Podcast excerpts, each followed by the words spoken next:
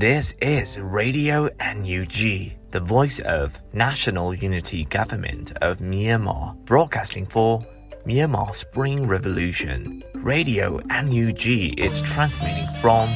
shortwave 16 meter 17.79 megahertz at 8:30 a.m. and 25 meter 11.94 megahertz at 8:30 p.m. Myanmar Standard Time. မင်္ဂလာပါခင်ဗျာ အမျိုးသားညီညွတ်ရေးအစိုးရရဲ့အတန်လွင့်ဌာန Radio NUG ကို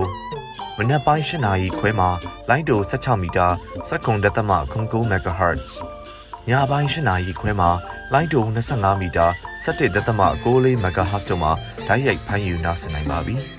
မင်္ဂလာအပေါင်းနဲ့ပြည့်စုံကြပါစေအခုချိန်ကစပြီး Radio NUG အစီအစဉ်တွေကိုဓာတ်ရိုက်အတန်လွှင့်ပေးနေပါပြီ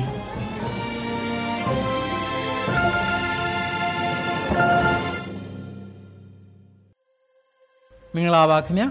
ရေဒီယိုအန်ယူဂျီတောတာရှင်များနဲ့တကွာမြမပြည်သူပြည်သားအားလုံးကိုဤကြမ်းမာခြင်းစိတ်ဤချမ်းသာခြင်းတို့နဲ့ပြည့်ဝကြပါစေခင်ဗျာရေဒီယိုအန်ယူဂျီရဲ့ဇွန်လ9ရက်နေ့မနက်ခင်းထုတ်လွှင့်မှုစီစဉ်တွေကိုစတင်ပါတော့မယ်ဥဆုံးအနေနဲ့ကာကွယ်ရေးဝန်ကြီးဌာနရဲ့စစ်ရေးသတင်းကျဉ်းချုပ်တွေကိုຫນွေဥမိုးကတင်ပြပါမယ်ခင်ဗျာ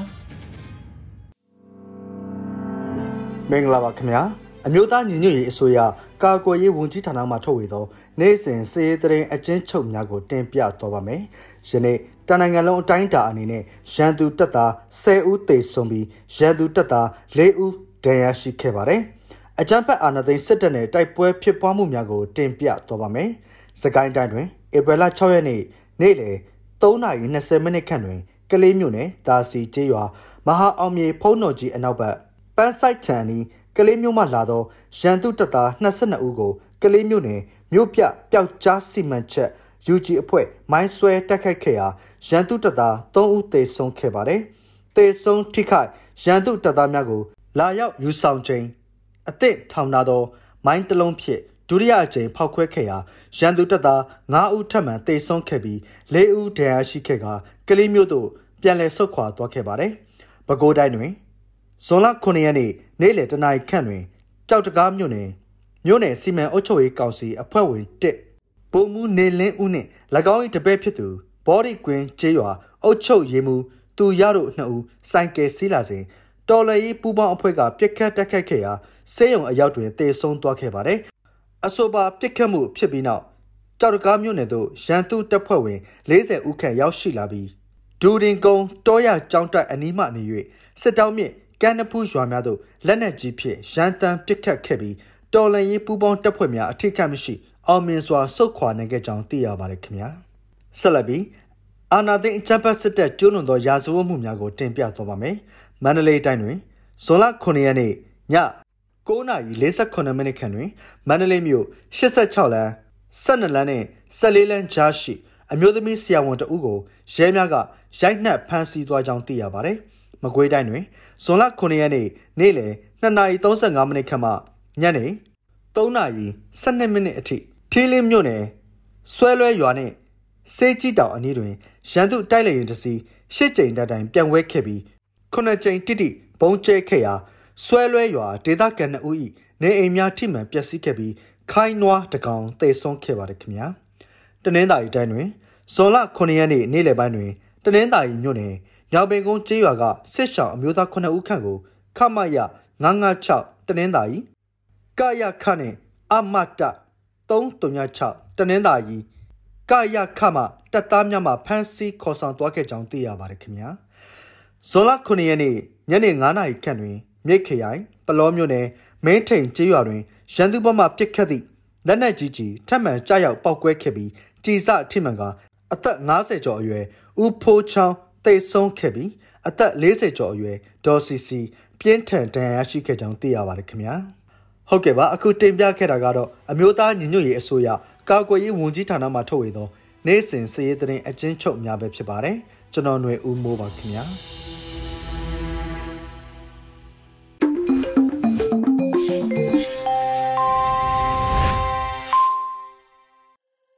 စစ်ရေးသတင်းများကိုတင်ပြလို့အပြီးမှာတော့ဆက်လက်ပြီး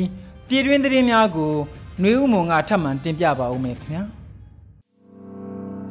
2023ခုနှစ်ဇွန်လ9ရက်နေ့ Radio Energy မနက်ခင်းပြည်တွင်သတင်းတွေကိုတင်ပြပေးသွားမှာဖြစ်ပါတယ်။ကျွန်မကတော့ຫນွေဦးမွန်ပါ။ဂျာကာလဒေသန္တရပြည်သူ့အုပ်ချုပ်ရေးဖော်ဆောင်မှုဗဟိုကော်မတီအစည်းအဝေးပြည်ထောင်စုဝန်ကြီးချုပ်တက်ရောက်ပြီးဝိုင်းရပလန်ရဆက်လက်ဆောင်ရွက်နေတဲ့လှုံ့ဆော်ချက်များကိုပြောကြားခဲ့တဲ့အကြောင်းအရာကိုဦးစွာတင်ပြပေးကြပါမယ်။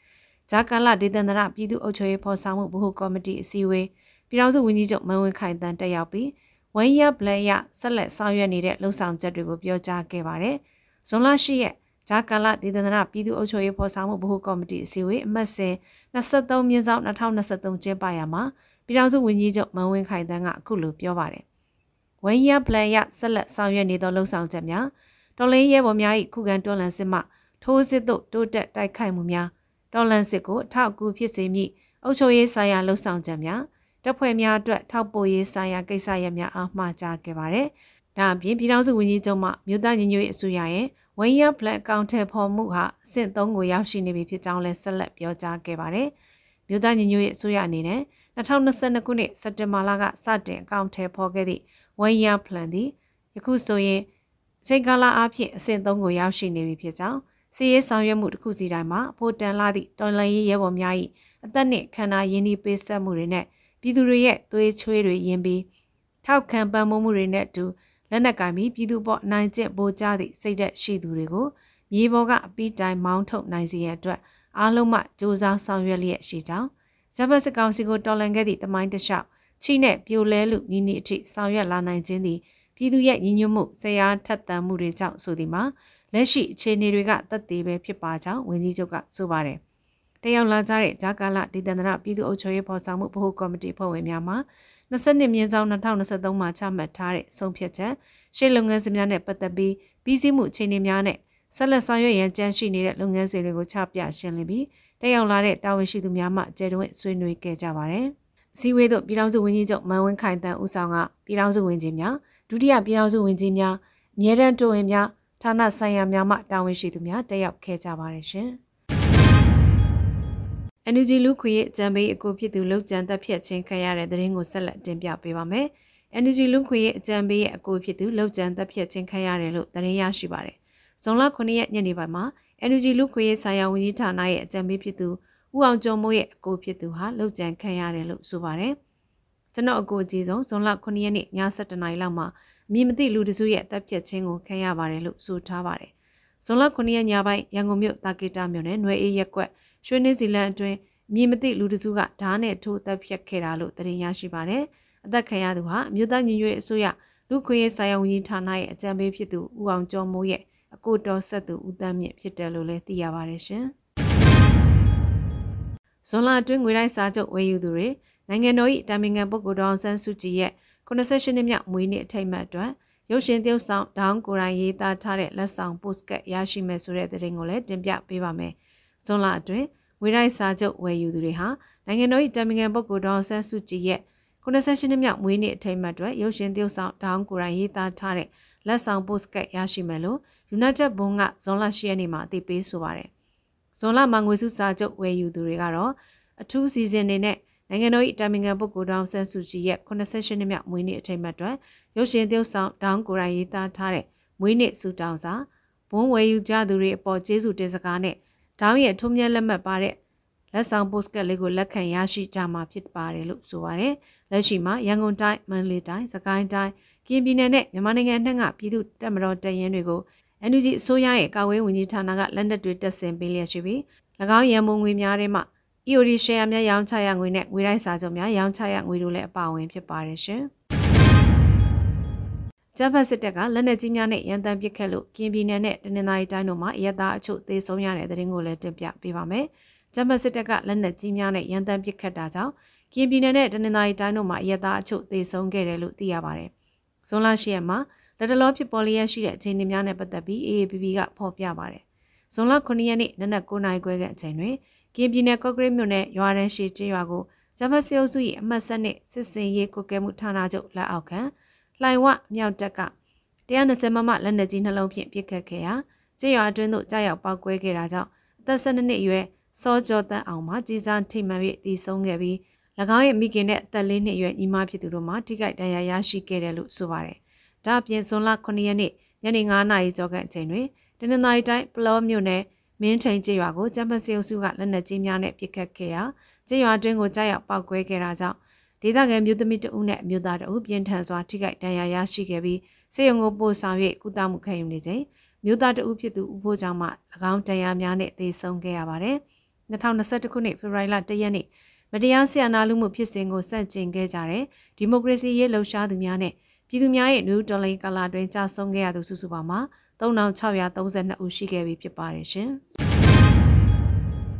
ပခုတ်ကူမြို့နယ်အင်မင်ကျေးရွာရှိစစ်ကောင်စီစစ်ဆေးရေးဂိတ်အားတိုက်ခတ်ရာစစ်ကောင်စီဘက်မှ2ဦးသေဆုံးပြီး3ခန့်ဒဏ်ရာရရှိတဲ့အကြောင်းအရာကိုဆက်လက်တင်ပြပေးပါမယ်။ပခုတ်ကူမြို့နယ်အင်မင်ကျေးရွာရှိစစ်ကောင်စီစစ်ဆေးရေးဂိတ်ကိုတိုက်ခတ်ရာစစ်ကောင်စီဘက်မှ2ဦးသေဆုံးပြီး3ခန့်ဒဏ်ရာရရှိခဲ့တယ်လို့ဇွန်လ10ရက်မှာစီးရေးသတင်းကိုမြိုင်ပကဖကတီးပြဆိုပါရယ်။ဖောက်ကူမြို့နယ်အင်မင်ကျေးရွာရှိစစ်ကောင်စီစစ်ဆေးဂိတ်အား မြိုင်မြို့နယ်ပြည်သူ့ကာကွယ်တပ်ဖွဲ့ပကဖတရင်နှင့်တခွဲတက်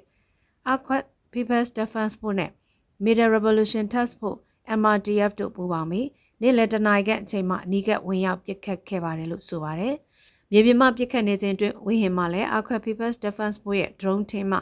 ဘုံသီးများနဲ့လည်းတိုက်ခိုက်ခဲ့ပြီးစစ်ကောင်စီဘက်မှ2ဦးသေဆုံးပြီး3ဦးကနေရာရရှိခဲ့ကြောင်းသိရပါတယ်။ စစ်ကောင်စီဘက်မှပြန်လည်ပစ်ခတ်ခဲ့တော့လဲမဟာမိတ်ရဲဘော်များအထိကိမရှိကောင်းမွန်စွာပြန်လည်ဆုတ်ခွာနိုင်ခဲ့ပါတယ်ရှင်။ခုတင်ပြခဲ့တဲ့သတင်းတွေကို Radio Energy သတင်းတောက်မင်းတီဟန်ကပေးပို့ထားတာဖြစ်ပါတယ်ရှင်။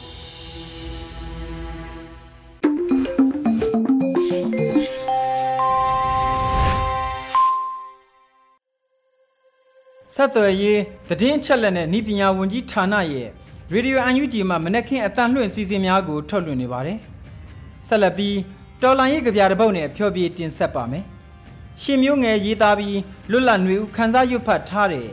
ရောင်နီဦးကိုမောဖူးခြင်းပြီးဆိုတဲ့ကြပြကို နားဆင်နိုင်ကြပါပြီခင်ဗျာ။ရောင်နီဦးကိုမောဖူးခြင်းပြီးအမောင်မိုက်ဆုံးညတွေထဲနာကျင်မှုကိုမျက်ရည်နဲ့စတင်ခဲ့ရတယ်စကလုံးတွေခန်း6အက်ကွဲ အသွေးတဲ့အသားတွေကယုံထလာတဲ့နှလုံးသားနဲ့ချစ်ချင်းမေတ္တာဟာအမှန်တရားကိုဥတီခြိလှမ်းတွေကိုရွက်လွှင့်အာယုံဥအလင်းတစ်စီခြိတက်တရားတဲ့ဘက်မှာတည်စေခဲ့တယ်တီဆောက်ခဲ့သည်မြဖြိုချခံလိုက်ရတဲ့အခါဘဝတွေဟာဗလာနတ်တီဘယ်လိုအဘိဓမ္မာနဲ့ဖျားတွေပွင့်ခဲ့ပါသလဲမေးကြ အဖြေဟာပဲ့တင်တန်တောင်ပြန်မလာတဲ့အခါကိုတရားကိုပြန်ရှာခဲ့ကြရတယ်လွတ်မြောက်ခြင်းဟာဘယ်မှာလဲအမောင်ဟာပိမ့်ပိတ်လွန်းတဲ့အခါကျယ်တွေဟာကိုကိုကိုထွန်းညှိသူတို့အလင်းတွေနဲ့လမ်းပြရှောက်တဲ့ခရီးနီးပါစေပွင့်တဲ့ပန်းတွေလှပါစေ။ตาယာလှပမနှက်ခင်းအလှတွေ့ပါစေ။ အာယုံကျင့်အလင်းစီသူတို့ဘဝကိုယင်းလို့လမ်းညွှန်ကြ။လမ်းခုလမှာတချို့လဲမထင်မှတ်ပဲကြွေကြရာအခမ်းအနားဆုံးအလှတွေပေါ့။လောကရဲ့တရားမှာအမှောင်ကို အလင်းဟာအနိုင်ရစမြဲမဟုတ်လား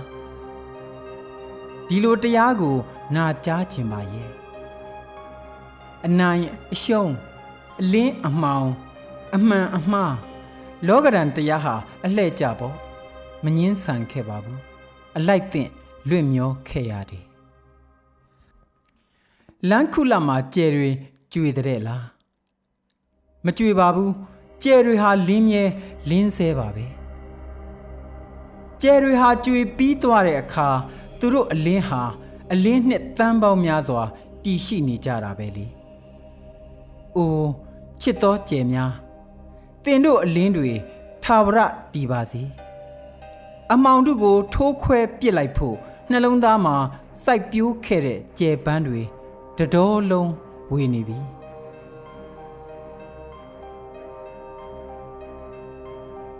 တလန်းချင်းလှမ်းရင်ခရီးတွေနှင်ရသွားမဲ့လမ်းဖြောက်တန်းပါစေလာမဲ့ဘေးအဝေးရောက်ပါစေချစ်ချင်းမေတ္တာတရားနဲ့ခရီးတွေပေါ့ ဒါဟာစာတင်ကြောင်းဒါဟာဆေးရုံဒါဟာရှေးဟောင်းယဉ်ကျေးမှုနယ်မြေဒဒါဟာဘာသာရေးအဆောက်အအုံဒါဟာပရဟိတဒါဟာမိမ့်မနဲ့ကလေးဒါဟာငါတို့မနဲ့ပြန်လက်လက်ဆက်ဆက်တွေဒါဟာငါတို့အပိဓမ္မာဒါဟာငါတို့တရားလမ်းမတွေဟာအမှောင်ထဲမှာငါတို့တွေးခေါ်မျှော်မြင်ရတာပါပဲ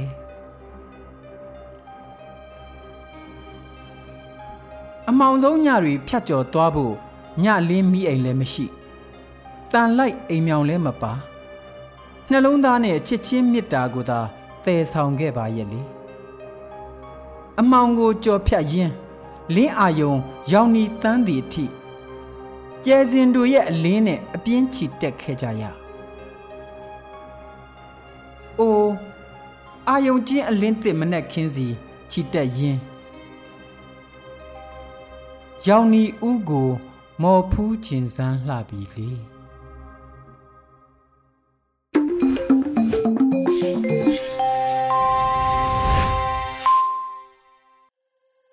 တော်လန်ရေးကြပြတဲ့ဘက်ကိုထုတ်လွှင့်ပေးခဲ့တာဖြစ်ပါတယ်ဆက်လက်ပြီးအလဲ့ကျတဲ့အစီအစဉ်ကမုံမခဆောင်းမဖြစ်ပါတယ်လက်စားချေလှုပ်ဆောင်မှုလို့ယူဆရတဲ့ရန်ကုန်တိုင်းထန်းတပင်မြို့နယ်ကအမျိုးသမီးနှစ်ဦးတပ်ဖြတ်ခံရမှုဆိုတဲ့ခေါင်းစဉ်နဲ့ ဆောင်းပါးတင်ဆက်မှုကိုဟင်းကိုကိုကဖတ်ကြားထားပါတယ်ခင်ဗျာမင်္ဂလာပါခင်ဗျာခုချိန်ကစပြီးမြန်မာနွေဦးခရိုနီကယ်ဇွန်လ9ရက်နေ့မြင်ကွင်းဖြစ်တဲ့လက်စားချေလှုပ်ဆောင်မှုလို့ယူဆရတဲ့ရန်ကုန်တိုင်းထန်းတပင်မြို့နယ်ကအမျိုးသမီးအူတပ်ဖြတ်ခံရမှုဆိုတဲ့ခေါင်းစဉ်ပါမိုးမခဆောင်းပါးကိုဖတ်ကြားပေးသွားမှာဖြစ်ပါတယ်ဆောင်းပါးမှာတော့ရန်ကုန်တိုင်းထန်းတပင်မြို့နယ်ရိုးကြီးကျေးရွာမှာနေထိုင်ပြီးပုဂ္ဂလိကမူကြိုကျောင်းဖွင့်လှစ်ထားတဲ့အသက်42နှစ်အရွယ်အမျိုးသမီးတဦးနဲ့ သူ့ရဲ့တူမဖြစ်သူမတ်ဆောင်းသစင်ဦးတို့ကိုဇွန်လ6ရက်နေ့ညနေပိုင်းကမူကြိုကျောင်းဖွင့်လှစ်ထားတဲ့အိမ်မှာပဲအမည်မသိတဲ့သူတွေကလာရောက်တပ်ဖြတ်သွားခဲ့ပါတယ်။မြို့သမီးနှဦးစလုံးကိုတပ်ဖြတ်သွားခဲ့တဲ့ဖြစ်ရဟာရက်စက်တဲ့တပ်ဖြတ်မှုတစ်ခုဖြစ်သတ်မှတ်ရပြီးဘလို့အကြောင်းကြောင့်တပ်ဖြတ်သွားသလဲဆိုတာတိကျတဲ့အချက်အလက်အထောက်အထားတွေတော့ထွက်ပေါ်မလာသေးပါဘူး။သို့ပေမဲ့အဆိုပါတည်ဆုံးသူနှစ်ဦးဟာအဲ့ဒီဂျပန်အတွင်းအဆိုတော်လီလီနိုင်ကျော်ကိုလောက်ကျန်တပ်ဖြတ်မှုနဲ့ဖမ်းဆီးခံရတဲ့သူနှစ်ဦးအနက်ကတဦးဖြစ်တဲ့ ကောင်းစာနီဟိန်ခေါ်လာပြည့်ဆိုတဲ့လူငယ်ရဲ့မိခင်နဲ့ဝမ်းခွဲအမဖြစ်နေတယ်လို့နောက်ဆက်တွဲသတင်းတွေထွက်ပေါ်လာပါတယ်။ဒါအပြင်တက်ပြက်ခံရတဲ့အကြောင်းကအခုတေဆုံးသွားတဲ့သူရဲ့သားဖြစ်သူကအဆိုတော်လီလီနိုင်ကျော်ကိုတနက်နဲ့လှုပ်ကြံတက်ပြက်ခဲ့တယ်လို့ဆွဆွဲခံရသူလက်ရှိစစ်ကောင်စီဖမ်းဆီးထားသူဖြစ်နေတဲ့အချက်ပဲဖြစ်ပါတယ်။ရိုးကြီးကျေးရွာတွေကအချို့ကတော့ဒီကျေးရွာတဝိုက်မှာလူမိုက်လို့နာမည်ကြီးသူတဦးနဲ့မျိုးသားရေးအစွန်းရောက်တွေကလီလီနိုင်ကျော်ကို လုံးကြံတက်ဖြတ်မှုအတွက်မိသားစုဝင်ကိုလက်တုံ့ပြန်လက်စားချေတာလို့ယူဆမှုတွေလည်းထွက်ပေါ်လာနေတာဖြစ်ပါတယ်။မြို့တွေမှာနဲ့အချို့သောကျေးရွာတွေမှာစစ်ကောင်စီကိုထောက်ခံသူအရင်ကစစ်တပ်မှအမှုထမ်းခဲ့သူရက်ကွက်အုပ်ချုပ်ရေးမှုယာယီမှု CDM လုပ်တဲ့ဝန်ထမ်းတွေတပ်ဖက်ကနေရက်ဖက်ကိုပြောင်းသွားတဲ့ဌာနဆိုင်ရာအရာရှိတွေကြန့်ခိုင်ရေးပါတီစီယုံရေးမှုတွေစစ်ကောင်စီကိုထောက်ခံတယ်လို့ယူဆတဲ့ဖုံးတော်ကြီးတချို့ထောက်ခံသူတွေနဲ့မျိုးသားရေးအစွန်းရောက်လို့သတင်းမီဒီယာတွေကခေါ်ဝေါ်နေကြတဲ့ မဘာသာအဖွဲ့ဝင်ဟောင်းနေနဲ့သတင်းပေးလို့ဆွဆွဲခံရသူတွေကိုစစ်ကောင်စီတောက်တိုင်လို့ခေါ်ဆိုသတ်မှတ်ပြီးလောက်ကျန်တပ်ဖြတ်မှုတွေဖြစ်ပွားလာတာနှစ်နှစ်ဝန်းကျင်ရှိနေတာဖြစ်ပါတယ်။ဒီလိုလောက်ကျန်တပ်ဖြတ်ခံရတဲ့အရေးအတွက်ကိုစစ်ကောင်စီဘက်ကထုတ်ပြန်ရမှာတော့4900ကျော်ဝန်းကျင်ရှိပြီလို့ဆိုပါတယ်။အခုလိုအရက်သားတွေကိုစစ်ကောင်စီတောက်တိုင်စစ်ကောင်စီရဲ့ရန်နေရမှာပါဝင်လောက်ကင်ပေးနေသူလို့ဆွဆွဲမှုတွေနဲ့တပ်ဖြတ်မှုတွေများပြားလာခြင်းဟာနွေဦးတော်လန်ရေးရဲ့ပုံရိပ်ကိုတစိမ့်တစ်ပိုင်းအဖြစ်ထိခိုက်စေနိုင်ပါတယ်။ တစ်ဖက်မှာတော့စစ်ကောင်စီရဲ့လက်နက်ကင်စစ်တပ်တွေကကြေးရွာတွေဝင်ရောက်တဲ့အခါမျိုးသားလူကြီးလူငယ်မရွေးလက်နက်ကင်တော်လန်နိုင်တဲ့အရွယ်လို့ယူဆရတဲ့အသက်15နှစ်ဝန်းကျင်ကနေအသက်60နီးပါးအထိကိုဖမ်းဆီးနှိပ်စက်တာတပ်ဖြတ်တာတွေနေ့စဉ်နီးပါးလှုပ်ဆောင်လေးရှိသလိုစစ်ကောင်စီရဲ့စစ်ကြောရေးလို့ခေါ်တဲ့တပ်နဲ့ထောင်လိုင်းရေးလက်ထဲခေါ်သွားပြီးအသက်ဆုံးရှုံးရတဲ့အမှုတွေလည်းတရားကျော်လာနေတာတွေ့ရမှာပါ2021ခုနှစ်အစောပိုင်းကရွှေပြည်သားက NLD တင်နန်းကျောင်းတာဝန်ခံတဦး အဘဲတန်းမြို့နယ်က NLD ပါတီစီယုံရေးမှုတဦးတို့စစ်ကြောရေးမှာညာတွင်ချင်းအသက်ဆုံးရှုံးရတဲ့အမှုတွေကအားလုံးသိပြီးဖြစ်ပါတယ်။ဒါအပြင်မုံနိုင်မင်းရွာလိုညောင်မင်းသားရွာလိုဖရူဆိုကမိုဆိုးကျေးရွာနီးမှာတပ်ဖြတ်မီးရှို့ခံရတဲ့အဖြစ်အပျက်လိုဇီကြီးကျေးရွာလက်ရက်ကုန်းကျေးရွာစာတင်ကျောင်းလိုအဖြစ်အပျက်တွေမှာလည်းစစ်ကောင်စီတပ်တွေရဲ့လက်ချက်နဲ့လူရာနဲ့ချီဒါဇင်နဲ့ချီတေဆုံးခဲ့ကြပြီးဖြစ်ပါတယ်။စစ်ကောင်စီရဲ့တပ်ဖြတ်မှုတွေကိုမှတ်တမ်းတင်အချက်လက်ကောက်ယူမှုတွေအရ ရက်သားတေဆုံးမှု4000နီးပါးရှိလာပြီဖြစ်ပါတယ်။စစ်ကောင်စီဘက်ကထောက်ခံသူတွေ၎င်းတို့အကာအကွယ်ပေးထားသူတွေလို့ယူဆရတဲ့၎င်းတို့ဘာသာ၎င်းတို့သွေးတောက်အဖွဲ့လို့နာမည်ပေးထားတဲ့အဖွဲ့ကတပ်ဖြတ်ခဲ့တဲ့အရေးအတွက်လဲဒါဇင်နှင်းငယ်ရှိခဲ့ပါတယ်။ယခင်နှစ်ဧပြီလမှာထွက်ပေါ်လာတဲ့သွေးတောက်အဖွဲ့ရဲ့လှုပ်ရှားမှုတွေကလာအနှဲငယ်ကြာမှာပြန်လည်ငြိမ်သက်သွားခဲ့ပြီးအခုလက်တလောထန်းတပင်မြို့နယ်ရိုးကြီးကျေးရွာကအဖြစ်အပျက်ကသွေးတောက်အဖွဲ့ရဲ့လှုပ်ရှားမှုမျိုးနဲ့လားသရန်တူတာလည်းတွေ့ရပါတယ်။၎ င်းတို့ဘက်ကတဦးအသက်ခံရရင် NLD ထောက်ခံသူဘက် PDF ထောက်ခံသူတွေဘက်နဲ့၎င်းတို့ရဲ့မိသားစုဝင်တွေကိုလက်စားချေတုံ့ပြန်မယ်ဆိုတဲ့သဘောမျိုးနဲ့လှုပ်ဆောင်ကြတာဖြစ်ကောင်းဖြစ်နိုင်ပါတယ်။စစ်ကောင်စီရဲ့ရက်စက်မှုစစ်ရာဇဝတ်မှုကျူးလွန်တာတွေအစုလိုက်အပြုံလိုက်တပ်ဖြတ်မှုတွေကမြန်မာတွေမကကဘာကလည်းသိရှိပြီးဖြစ်ပါတယ်။ဆီယနာသိမ်းပြီးနောက်ပိုဆိုးရတဲ့တပ်ဖြတ်မှုတွေကျူးလွန်လာတာရက်သားတွေကိုအမေးအမြတ်မရှိမြို့တွေရွာတွေရဲ့လမ်းမတွေပေါ်မှာပြစ်တက်တဲ့အမှုတွေလိုမျိုး ကျူးလွန်သူတွေကိုအပြစ်ပေးအရေးယူခံရတာမရှိဘဲအကြောက်တရားလွှမ်းမိုးအောင်လှုံ့ဆော်နေတာလဲအားလုံးသိရှိပြီးဖြစ်ပါတယ်။အခုနောက်ဆုံးဖြစ်ပွားတဲ့လီလီနိုင်ကျော်လောက်ကျန်တပ်ဖြတ်ခံရမှုနဲ့ဆက်နွယ်ပြီးမိသားစုဝင်အမျိုးသမီးနှစ်ဦးကိုရက်ဆက်စွာတပ်ဖြတ်မှုကနှစ်ဖက်လုံးကကျူးလွန်နေတယ်လို့ယူဆရတယ်။ရက်သားပြစ်မှတ်တွေတပ်ဖြတ်ခံနေရခြင်းပုံမမြင့်တက်လာတာကိုညွန်ပြနေတာပဲဖြစ်ပါတယ်လို့ရေးသားထားပါတယ်ခင်ဗျာ။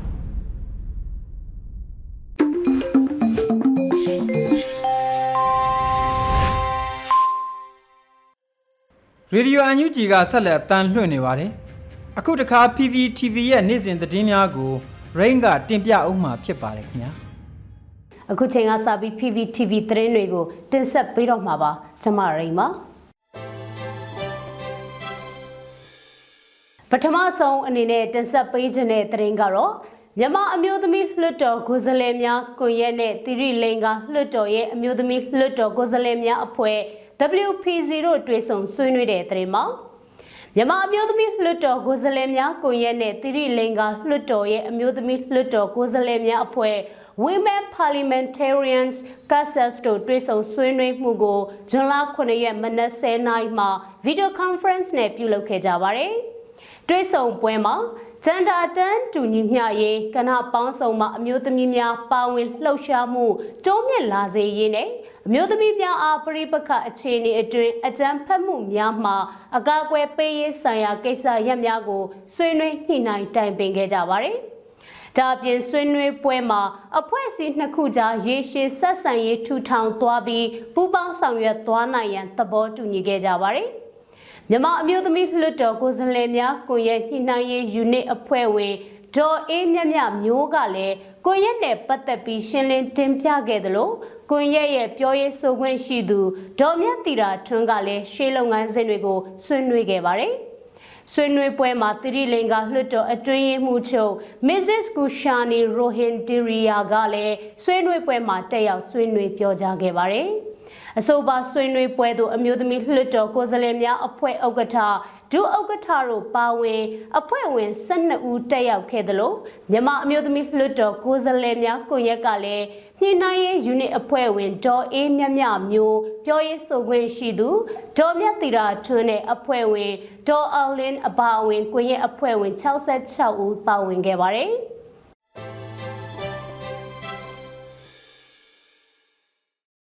ဆက်လက်တင်ဆက်ပေးခြင်းတဲ့တရင်ကတော့ မုံရွာမြို့နယ်တဲကရေကန်စုရွာကိုအကြမ်းဖက်စစ်တပ်ကဝင်ရောက်စီးနင်းပြီး9ရက်သားကလေးငယ်အပါအဝင်ပြည်သူ6ဦးကိုတပ်ဖြတ်ခဲ့တဲ့တရင်မှာ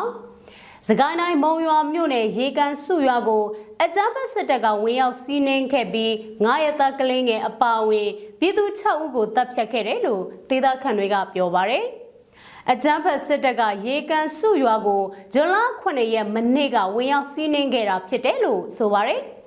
ရဲဘော်ပြည်သူစုစုပေါင်း6ဦးကြာဆုံးပြီးတဦးစိုးရိမ်ရအနေထားရှိနေပါတယ်။တက်ခံရတဲ့အထဲမှာမိဖွားကစား9ရက်ပဲရှိသေးတဲ့ကလေးငယ်တဦးပါဝင်ပါတယ်။မိခင်လည်းရိုက်နှက်ခံထားရပါတယ်လို့သေသားခံတဦးကပြောပါတယ်။အကြမ်းဖက်စစ်တပ်ဟာပြည်သူပိုင်ပစ္စည်းတွေနဲ့ဆိုင်ကယ်တွေကိုဖျက်ဆီးမီးရှို့တဲ့အပြင်၎င်းတို့တပ်ဖြတ်လိုက်တဲ့ပြည်သူရုပ်အလောင်းအချို့ကိုလည်းမီးရှို့တပ်ဖြတ်ထားကြောင်း ပုံနဲ့တကွဖော်ပြထားပါတယ်။ရာသီဥတုကတော့မိုးချနေလို့မိုးရဲတင်းရှောင်နေရပါတယ်။နီးစက်ရပြည်သူတွေကတော့စောင့်ရှောက်ထားကြပါတယ်။စစ်တောင်းကဖြန့်ဝင်တာမို့ကျွန်တော်တို့ကပ်ဖို့အခက်ခဲတော့ဖြစ်နေပါတယ်လို့ပြည်သူရဲဘော်တဦးကပြောပါတယ်။ဒီနေ့ဇွန်လ8ရက်မနက်ပိုင်းမှာလဲဆက်လက်စစ်ကြောင်းထိုးနေတာကြောင့်ကိုင်းတော်ပလင်ဇီတွန်တဲသာဘူးတောင်ကနေက တပြေပင်စုထနောင်းဝင်းစတဲ့ကျေးရွာကပြည်သူ9000ကျော်ဟာဘေးလွတ်ရာကိုထွက်ပြေးတိမ်းရှောင်နေရတယ်လို့ဒေသခံတွေကပြောပါတယ်။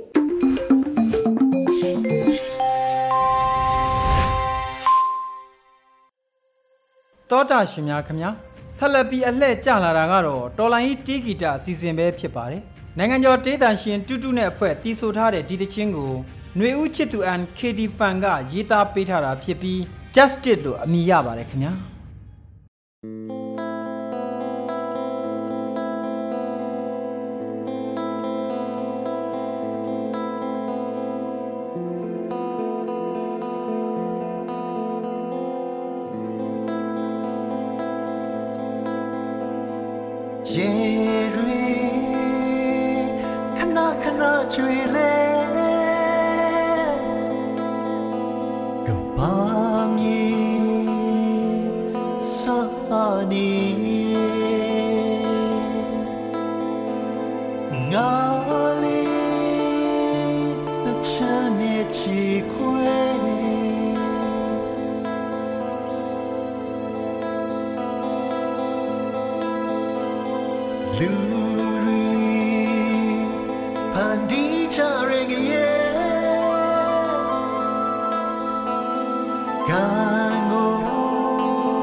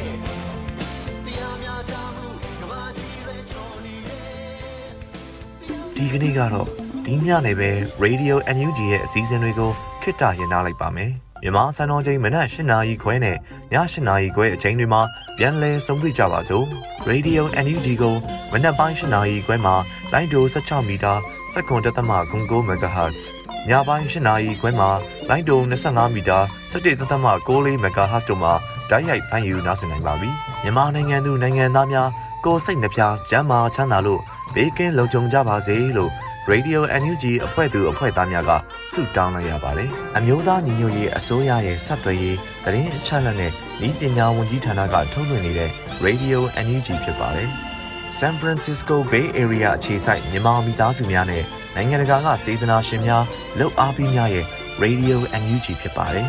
။အရေးတော်ပုံအောင်ရမည်